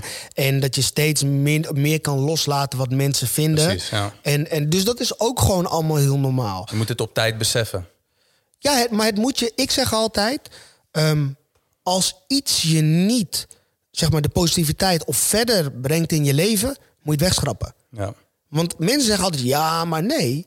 Ik zeg dan kern. Zorgt het ervoor dat jij verder komt of houdt het je tegen? Ja, het houdt me tegen. Nou, dan weet je toch wat, moet je, wat je moet doen. Ja, dan moet je het laten. En dat is, het is, het is eigenlijk heel makkelijk. Alleen, ehm, dat zei mijn moeder ook altijd. Nou, als ik, weet je wel, als je iets had geflikt. En dan had je spijt. Je had geen spijt, maar je vond het gewoon kloten dat je was gesnapt. Maar je zei tegen je ouders dat je spijt had. En dan zeg je, nee, ik ga het niet meer doen. En mijn moeder zei altijd van, ja, je kan zeggen dat je het niet meer doet. Maar als jij het... Verandering is dit. Verandering heeft geen tijd nodig. Ja. Want heel vaak zeggen mensen, ja, maar ik moet er even inkomen. Weet je, ik stop met roken, ik, ik minder. Nee, stoppen.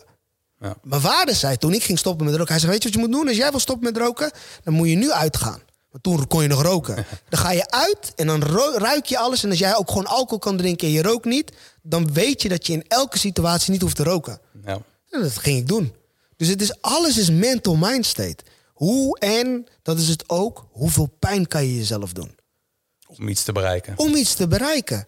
Wil jij die verdette zijn, dat alles maar zo gaat? Maar hoeveel pijn kan jij jezelf doen? Ja, ja. En, en, en ik denk dat als je dat durft en kan en niet erg vindt, ja, dan, dan ga je stappen maken. Dat kan niet anders. Nou, eh, nou ja, wat ik nog zeg maar over jezelf pijn doen. Ja. Als ik zeg maar kijk naar mijn radiocarrière, was die fantastisch. Maar als jij mij de vraag stelt, Delano, heb je daar alles uitgehaald wat erin zat? Dan is mijn antwoord nee. Als ik kijk naar ehm, de ontwikkeling die mede-collega's toen hebben gemaakt, door te blijven volharden, door um, eigenlijk wel zichzelf pijn te doen. Weet je, zichzelf blijven teruganalyseren, elke show terugluisteren. Ik raakte verzadigd. Ik dacht, ik kan dit kunstje, dit is prima, leuk. Maar als ik dan kijk naar bijvoorbeeld Fernando, die nog elke ochtend presenteert, die won op een gegeven moment de belangrijkste radioprijs van Nederland. Fernando en ik hebben samen programma's gepresenteerd. En voor mezelf, ik doe niks minder, on, ik doe niks onder voor hem. Nee, maar, hij is verder gegaan. Dat is zeg mijn, maar. Wil je het dan graag genoeg? Is het een mooie. Nou ja, aan de ene kant denk ik van. Ehm, soms moet je inderdaad de vraag stellen van was de wil groot genoeg? Maar aan de andere kant heb ik het mezelf op een bepaald moment te gemakkelijk gemaakt. Dus um, soms om verder te gaan, moet je ook inderdaad weer dingen gaan doen, terug naar de tekentafel, die minder leuk zijn. Dus ik kijk, als ik daarnaar kijk, ja, dan heb ik gewoon ook verkeerde keuzes gemaakt. En te vroeg een bepaalde handdoek in de ring gegooid en niet uh, dieper. Um, want dan had, ik er meer uitgehaald. Waardoor nu of ik nou naar een televisieprogramma kijk en um, ik zie daar iemand die ik heb opgeleid. Dan denk ik ook, ja vriend, dat had jij kunnen zijn. En het is niet dat ik dan enorm uh, uh, teleurgesteld ben, maar ik weet waaraan het lag. Dus ik weet ook gewoon van, hey, probeer wel. Je moet zelf altijd je grootste criticaster zijn. En als je dat kan, dan voel je wel het moment aan inderdaad van oké, is mijn wil groot genoeg of niet? Want dat kan natuurlijk ook hè. Dat soms de motivatie gewoon niet daar is omdat je toch echt wat anders moet doen. Ja, ja dat, dat vind ik wel heel interessant wat je zegt ook. En ik kom dat hier heel veel tegen. Ik kijk uh, naar veel mensen die, die hier binnenkomen, die heel succesvol zijn op zakelijk gebied. Um, en vervolgens hier komen met een doelstelling. Ik wil 10 kilo afvallen. En daar bijvoorbeeld moeite mee hebben. Dat, dat vind ik heel interessant. Want dan denk ik ook van ja, maar als je, als je dat hebt kunnen bereiken op zakelijk gebied, je bent miljonair of hè, weet je, je hebt een bedrijf op een bepaald. Het gaat natuurlijk niet alleen om geld, maar ook om het succes van het product wat je hebt en wat je wil verkopen. Um, maar dan, dan is altijd de vraag: wat maakt het dan dat iemand die 10 kilo niet kan afvallen? Want het is niet zo heel moeilijk.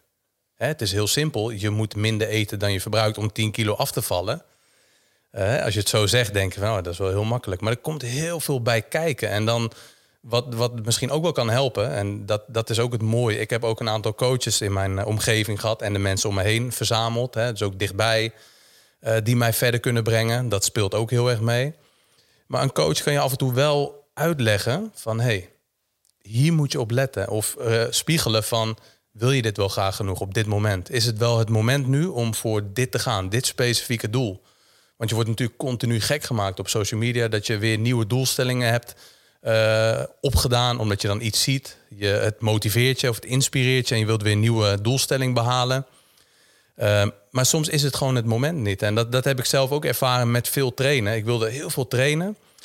Uh, genoeg tijd aan mijn privéleven besteden. En ik wilde aan mijn bedrijf bouwen. En ik merkte dat het gewoon nooit in balans was. Nooit. Dat was gewoon zo lastig. En eh, elke keer merk je dan dat er daar bepaalde uh, balletjes niet meer hoog te houden zijn. Dus je moet ook op een gegeven moment beseffen van... oké, ik moet nu hierop wat tijd vrij gaan maken... op dit gebied, op zakelijk gebied... om dan op dat andere gebied te kunnen presteren. En daar moet je gewoon eerlijk in zijn. Ik denk dat dat heel belangrijk is. Sommige mensen zeggen, ja, ik wil 10 kilo afvallen. En dan kun je met een paar vragen al zeggen van... oké, uh, wil je een voedingsapp gaan invullen? Wil je twee keer per week trainen? Ja, als, die, als één uh, antwoord op die vragen een nee is, dan gaat lastig worden. Dan, ja, dan houdt het voor nu even op. Dat wil niet zeggen dat je dat niet kan behalen. En ik kan mensen dan ook wel zeggen. Soms neem ik mensen ook wel gewoon aan. In het begin wat meer dan, uh, dan nu. Maar er zijn gewoon een paar vereisten. Ook omdat je je naam daaraan vasthangt. Als iemand hier komt trainen en die zegt van ja, ik wil hier trainen en ik wil dit bereiken. En diegene dan niet haalt, dan ben ik degene die mhm. de slechte trainer is. Of een van mijn trainers. Ja. Dus wij zeggen wel ook, wij geven gegarandeerd resultaat. Maar wel als je aan deze eisen voldoet. Dus je moet twee dingen doen. De voedingsapp invullen en minimaal twee keer in de week hier komen trainen. Ja. En dan zal je succesvol worden, want dat is dan de commitment die je moet maken. En soms kun je die commitment gewoon met jezelf niet maken. Maar, hoe, maar, maar bespreek je dit dan, zeg maar? Dus, dus vraag je dit dan ook direct aan, aan, aan, aan, aan, aan, iemand die dan succesvol is in het bedrijfsleven, ondernemerschap? Um, omdat inderdaad, het, het, het, het zit hem dan en in, in iets. Ja, en soms geef je ook advies. Soms, ik heb ook tegen bepaalde klanten, en dat zeg ik, eh, dat heb ik vandaag nog tegen een klant gezegd, is dit is het moment niet om te gaan werken aan je fysiek. Want als jij bijvoorbeeld 60 uur per week werkt of zelfs meer, ja. dan is dat het eerste waar je op moet gaan. Uh, ja, daar moet je iets gaan veranderen. Want dat heeft geen zin. Je kan wel en dan 60 uur per week werken, uh, een uur per week voedingsappje bijhouden, twee keer per week trainen. Ja. Dan ga je mensen niet helpen. Dus ik help ze dan door te zeggen van nu moet je niet bezig zijn met afvallen. Nu zorg je ervoor dat je, of hè, ga je proberen te zorgen om dat werk wat meer onder controle te krijgen of het uit te zetten als mensen daarvoor openstaan. Mm Maar ik wil uitleggen waarom het nu op dit moment niet gaat lukken. Als ik zou zeggen, ja, maar kom op, hè, je moet toch doorgaan en pak het er gewoon bij, dan heb je zo meteen een overspannen klant. En dat wil je ook niet. Je wil mensen wel oprecht helpen. En dat is gewoon eigenlijk heel belangrijk, met, met, eh, ook voor mezelf, weet je wel. Dus het is continu reflecteren. Je ziet een situatie op werk en die neem je mee naar, naar huis. Dus je, je bent continu uh, als een soort spons aan het leren van situaties. En natuurlijk is het makkelijker leren van mensen die al wat verder zijn in het leven. Die al bepaalde dingen hebben meegemaakt. Die bepaalde dingen hebben neergezet. En dat zijn, dat zijn ja, weet je, dat maakt het ook altijd wel makkelijker. Je hebt natuurlijk, ja, op, social media heb je genoeg mensen die inspirerend kunnen zijn, maar die ken je niet persoonlijk. Mm dus dat, dat maakt het ook wel, weet je wel, het werkt twee kanten op als het ware. Ik moet ook continu zorgen, want veel mensen nemen van mij niet iets aan omdat ik vroeger veel te zwaar was. uh, dat, dat is gewoon ja, uh, te zwaar volgens de BMI-getallen. Maar goed, niet te zwaar omdat ik een, uh, een te hoog vetpercentage had. Dus in dat opzicht zullen ze van mij dan niets aannemen. Want ik heb niet wat zij wellicht hebben. Dat zij zeggen van ja, maar mhm. heb jij ooit 10 kilo moeten afvallen? Nee, maar ik weet wel hoe het is om te werken aan je doel. Ja, precies. En zij weten dat ook. Dus eigenlijk ga je gewoon dat met elkaar uitwisselen. Tuurlijk. Om je doel te behalen. En, eh, nou, en ook gewoon eerlijk zijn tegen elkaar. Van hé, hey, maar wacht even, dit is er nu voor nodig. laten we dit nu even wegstoppen. Want anders ben ik elke keer dezelfde vraag. En je hebt kids natuurlijk, maar zo mhm. werkt het met volwassenen ook. Ja. Als je elke keer dezelfde vraag stelt van, ja, weet je, heb je dit gedaan? Heb je je huiswerk gedaan? Mhm. Dat is op een gegeven moment wordt dat vervelend. Maar je moet gaan kijken van, maar waarom heb je je huiswerk niet gedaan? Precies. En maar, maar dat, maakt, dat zorgt er wel voor waar, waarom mensen bijkomen of niet. Ik denk het wel. Het is ja, de meerwaarde die je mensen geeft. En niet, dit is hier geen fabriek uh, waar de kilo's uh, eraf gesneden worden, zeg maar. Je moet daar echt hard voor werken. En je wilt ook die confrontatie hebben. Mhm. en, en sommige mensen kunnen daarmee omgaan en sommige ook niet. Dus wat ook gewoon oké is. Hè? Wat, precies. Ja. Wat ook, want dan is een andere sportschool of personal trainer of, of nu beter niet. bij ze. of inderdaad, of niet het juiste moment. komen ze een half jaar later terug en zeggen ze van... nou, ik ben blij dat je mij toen dat advies hebt gegeven. Ik heb nu wat werk gecreëerd in mijn ik werk. Ik heb een half jaar naar de muur gestaard. En na een half jaar dacht ik, ik ga weer terug naar Tony. Ja, ja maar zo, zo werkt het wel, weet je. En dat, uh, dat is gewoon een oprecht product verkopen werkt gewoon het beste. Ja. En niet omdat mensen iets willen. Als mensen zeggen ik wil uh, eh, 20 kilo in drie maanden afvallen, dan zeg ik ook, nee, daar gaan we, daar gaan wij niet aan meewerken. Ja. Omdat het gewoon onverantwoord is. Dan krijg je niet een mooi resultaat. Ja. En ja, ik denk dat dat gewoon heel belangrijk is, weet je, dat je continu reflecteert met mensen en ook gewoon, ja, weet je wat je zegt ook. Het begon natuurlijk ook met hoe graag wil je iets. Ja. Uh, dat is één ding, maar hoe, uh, hoe, goed is het moment? Hoe goed is de timing nu? Wat, hè? De start van de, de, podcast is misschien ook gelijk het eind van de podcast, maar de timing is altijd heel belangrijk. Ja. Soms is het gewoon even het moment nog niet. Ligt het wel voor je klaar in de toekomst? Maar moet je eerst aan de wortels en de fundering gaan werken voordat je uiteindelijk dat resultaat ook kan, ja, daarvoor kan gaan uh, werken. Als het denkbaar is, het mogelijk, maar je moet het ook uitspreken. Spreek je het uit, dan gaat het leven. Krijgt het een ziel en dan vervolgens moet je handelen. En als je er naar handelt en niet opgeeft en doorgaat, dan kan je er komen. Ja, maar zo is het wel. Kijk, ik, ja, ik denk dat dat gewoon uh, de essentie is ook van het resultaat boeken. En het resultaat is natuurlijk altijd heel mooi. Maar je moet wel goed beseffen waar, waar je op dit moment staat, waarom je iets wilt. En dat is ook de reden daarachter. Ik heb hier ook een aantal coaches gehad, die hebben dat ook heel mooi van die performance coaches. Mm -hmm. um, ja, vragen bizar veel geld voor hun trajecten, maar die proberen ook echt het onderste uit iemand uh, te trekken, zeg maar. En het, het, begint altijd, net als bij, bij, bij die performance coach, als hier, van waarom wil je het? Ja. Over die vraag moet je goed nadenken. Waarom wil je iets? Komt dat echt helemaal vanuit binnenuit? Is het echt helemaal iets vanuit, wat jou, vanuit jouw ziel wat, wat jouw diepste verlangen is? Of is het iets omdat iedereen het wilt? Mhm. Of is het iets waarom, uh, weet je, een maatschappelijke standaard? Of iedereen wilt een sixpack of iedereen wilt zo'n reet. Mhm.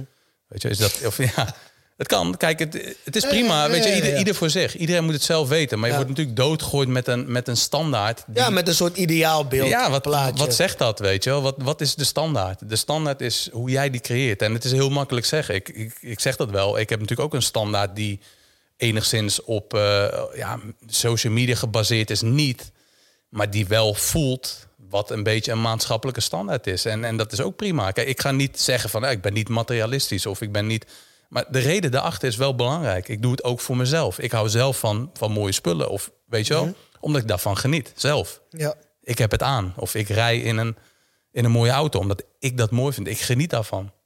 Ja, en dat, ja, dat mensen dat ook mooi vinden, is prima. Weet je, tuurlijk. Mhm. dat, dat, dat dat niets met je doet, dan zou ik liegen. Maar dat is wel een heel belangrijk iets, hè? Ja. Dat in ieder traject moet je jezelf ook gepast kunnen belonen. Ja, je moet kleine, korte momenten hebben waarin je ook gewoon kan zeggen: hé, hey, ik ben er niet. Ik ben goed op weg. En ik ben even vandaag blij met mezelf. Weet je wel? En dat is het ook. Kijk, je kan ook, als ik zeg je moet jezelf pijn doen, zeg ik niet dat je dat hele traject ongelukkig moet zijn. Nee, nee. Maar je moet wel van jezelf houden, hè? Ja, dat is wel belangrijk. Nee, maar dat is ook weer, weet je, dat hebben we eerder gezegd. Je moet advies moet je goed plaatsen. Dat is ook dat je zelf pijn doet, natuurlijk. Je moet niet letterlijk, maar figuurlijk. En ik denk dat mensen dat wel begrijpen. Dat je ja, dat je al het advies wat je op internet vindt, of wat je hier tijdens de podcast hoort, of van onze komende gasten, of van onze vorige gast, alles wat je hoort, moet je op een bepaalde manier tot je nemen. Mhm. En soms ook het ene advies, dat, dat, dat hoor je nu en dat doet niks met je. Het andere advies, daar wil je gelijk wat mee doen. Even rustig zitten. Wat, wat betekent dat advies nou? Wat, wat kan dat advies wat hij geeft in het algemeen nu met mij? Mhm. Ja, nee, dus zeker. uh, die, die puzzel gaat dan steeds beter in elkaar vallen. Ja. En, uh, en, en je moet je niet te veel laten meeslepen door een hype of, of je op laten jagen. Weet je? Want ik ben ook helemaal gek gemaakt met die regel. Twee, eigenlijk twee dingen in het ondernemen. Die continu in mijn hoofd aan het rondzingen waren. Die, ja, ik weet niet eens meer wie dat advies heeft gegeven. Misschien uh, Warren Buffett of, of, wie dan ook. Maakt niet eens zo heel veel uit. Maar die zeggen ook twee dingen. En die, die mij zijn bijgebleven. Die mij altijd heel erg hebben gemotiveerd om dat dan ook na te streven. Is een passief inkomen. Mm en ehm, ja, je moet nooit afhankelijk zijn van, van uh, jouw eigen handen binnen het bedrijf. Mhm. Maar goed, dan ga je helemaal voorbij aan de basis als je dat advies alleen maar hoort en denkt van oh shit, ik moet, ik moet dit advies moet ik gaan opvolgen. Ik moet, uh, ik moet hier wat mee. Terwijl je in de basis, eigenlijk wat er gezegd moet worden, dat, wordt, dat is wel jammer met dat advies. Er wordt niet eerst gezegd van hé, hey, uh, jonge gasten die ambitieus. Focus eerst op je eigen bedrijf. Zorg dat die fundering staat. Heb je dat voor elkaar? Heb je dat groene vinkje gescoord? Dan ga je werken aan een passief inkomen. Je bent nog hartstikke jong. Mensen die nu al helemaal willen beleggen, mhm. die, die heel jong zijn, of eh, weet je wel, gewoon uh, geld dat ze bij de Albert Heijn hebben verdiend, gelijk al willen gaan uh, besteden aan Bitcoin. Mhm. Ja, dat, dat vind ik zonde. Ik vind dat een, een ja, echt een, een, verspilling van je geld. En ook gewoon dat je dan, dan ja, dat je dan niet de juiste... Iedereen moet het zelf weten, maar ik zou dat niet met mijn eerste verdiende geld doen. Ik zou kijken hoe je eh, binnen jouw uh, kunnen dat geld op een andere manier kan investeren of kan wegleggen om dan een fiets te kopen om naar je werk te gaan of een, een scooter om weet je, dingen te bezorgen. Weet je, waar je gewoon zelf geld mee kan verdienen. Even niet luisteren naar passief inkomen. Even niet luisteren naar uh, weet je wel, de, de, de bitcoins en uh, vastgoed, weet je wel. Terwijl je zelf nog geen onderdak hebt. Dat is raar, vind ik raar. Ja, om daarover nee, na snap, te denken. Ik snap wat je zegt, maar ik denk dat dat, dat dat met name in deze tijd... waarin, ja, weet je, er heel veel informatie kan je tot je krijgen... Maar weet je, ik zeg altijd trust the process. Ja. En, en, en dus omarm ook je eigen proces. En je kan niet van 0 naar, naar 26. Nee. Je moet die stappen daardoor, die hebben we allemaal moeten bewandelen. Ja. Weet je, en, en, en die moet je ook gewoon omarmen. Omdat ook in het ouder worden is het proces en het traject wat je hebt doorlopen, is prachtig. Zeker. leer je heel veel van. Weet je, en in, ehm, op je weg ontmoet je ook weer heel veel mooie mensen. Die misschien er tien jaar later niet meer zijn, maar je hebt wel hele fijne herinneringen aan die mensen. Zeker. Weet je wel, dus dat is het ook. Geef jezelf die herinneringen. Alles Geef heeft jezelf... zijn waarde. Ja. Precies. De ervaring. En uh, wat ik zeg, shortcuts. Ja. Weet je, want stel dat je dan wel op jonge leeftijd een klappertje maakt, geld gaat op. Zeker. Want je weet niet hoe je ermee moet omgaan. Ja, en je hebt er niet zo hard misschien voor moeten werken. Of, en dat is als je dat zelf voelt. Maar ik denk dat ook nog wel goed om uh, als aanvulling op net de basis. Ik denk dat dat Dat is het, misschien wel het saaiste wat er is. Maar om die basis tot in de puntjes te beheersen. Dat is ook eigenlijk waar, waar Fit13 het platform voor staat. En eh, waar mijn trainingen voor staan. We kunnen de handstand gaan doen op, eh, op één arm. En weet je, met een bal tussen je benen. De gekste dingen om resultaat te halen. Maar als het in de basis niet klopt dan ga je er niet komen. En ik denk dat als je de basis perfect kan uitvoeren, dan ben je al zo ver. Omdat heel veel mensen dat al niet kunnen. Dat is te saai, het duurt te lang. Ze willen spectaculaire antwoorden van mij hebben. Of ze willen een, een, ja, weet je, een wonderpil om heel snel af te vallen. Of ze willen een geheime uh, formule om geld te verdienen. Dat zijn weer die shortcuts, hè? Dat, ja, precies. Dus ik denk dat de basis, als je dat beheert... Wat is de basis van hetgene wat jij wilt bereiken? Mhm. Wil je afvallen? Focus op de basis. Dan begint het met een calorietekort. Wil je geld verdienen? Ga dan werken. Precies. Weet je, dat, dat is gewoon de basis. En, wil, je, wil je meer geld verdienen? Dan, dan begint het vaak ook met, dan kun je gewoon een aantal dingen doen. Of je kan meer uren gaan werken. Of je kan meer geld vragen voor, voor datzelfde uur. Mhm. Weet je, dat, dat is eigenlijk ook. En ja, dat, als je dat goed beseft, dan kun je daar, weet je wel, dan kun je daar alle tijd. De tijd heb je daarvoor ook nodig. Dus ik denk dat dat zo'n uh, een mooie afsluiter is van een uh, tweede podcast, puur de podcast. Uh, die gaat over ondernemen, over sport, vallen, opstaan. Ja, mooie, echte verhalen.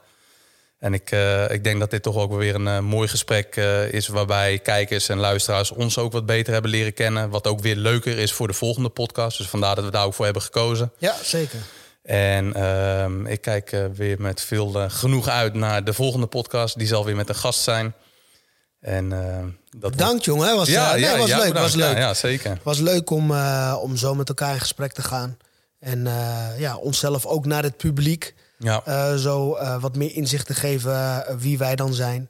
Zeker. En nou, mochten ze vragen hebben, kunnen ze die altijd in de comments achterlaten. Zeker, zeker. Die kunnen we dan weer meenemen de volgende Zeker, ja, ja. ja. Of gasten, als mensen in hun netwerk iemand hebben die een bijzonder verhaal heeft. Het is niet dat wij alleen maar mensen die Mhm. een gevestigde naam hebben uh, gaan uitnodigen. Het gaat hè, nogmaals ook puur de podcast het gaat om echte verhalen. Dus dat gaan we proberen ook echt uh, ja, naar voren te halen, eruit te halen uit de podcast. En uh, ja, alle feedback is welkom. Dus dat is mooi.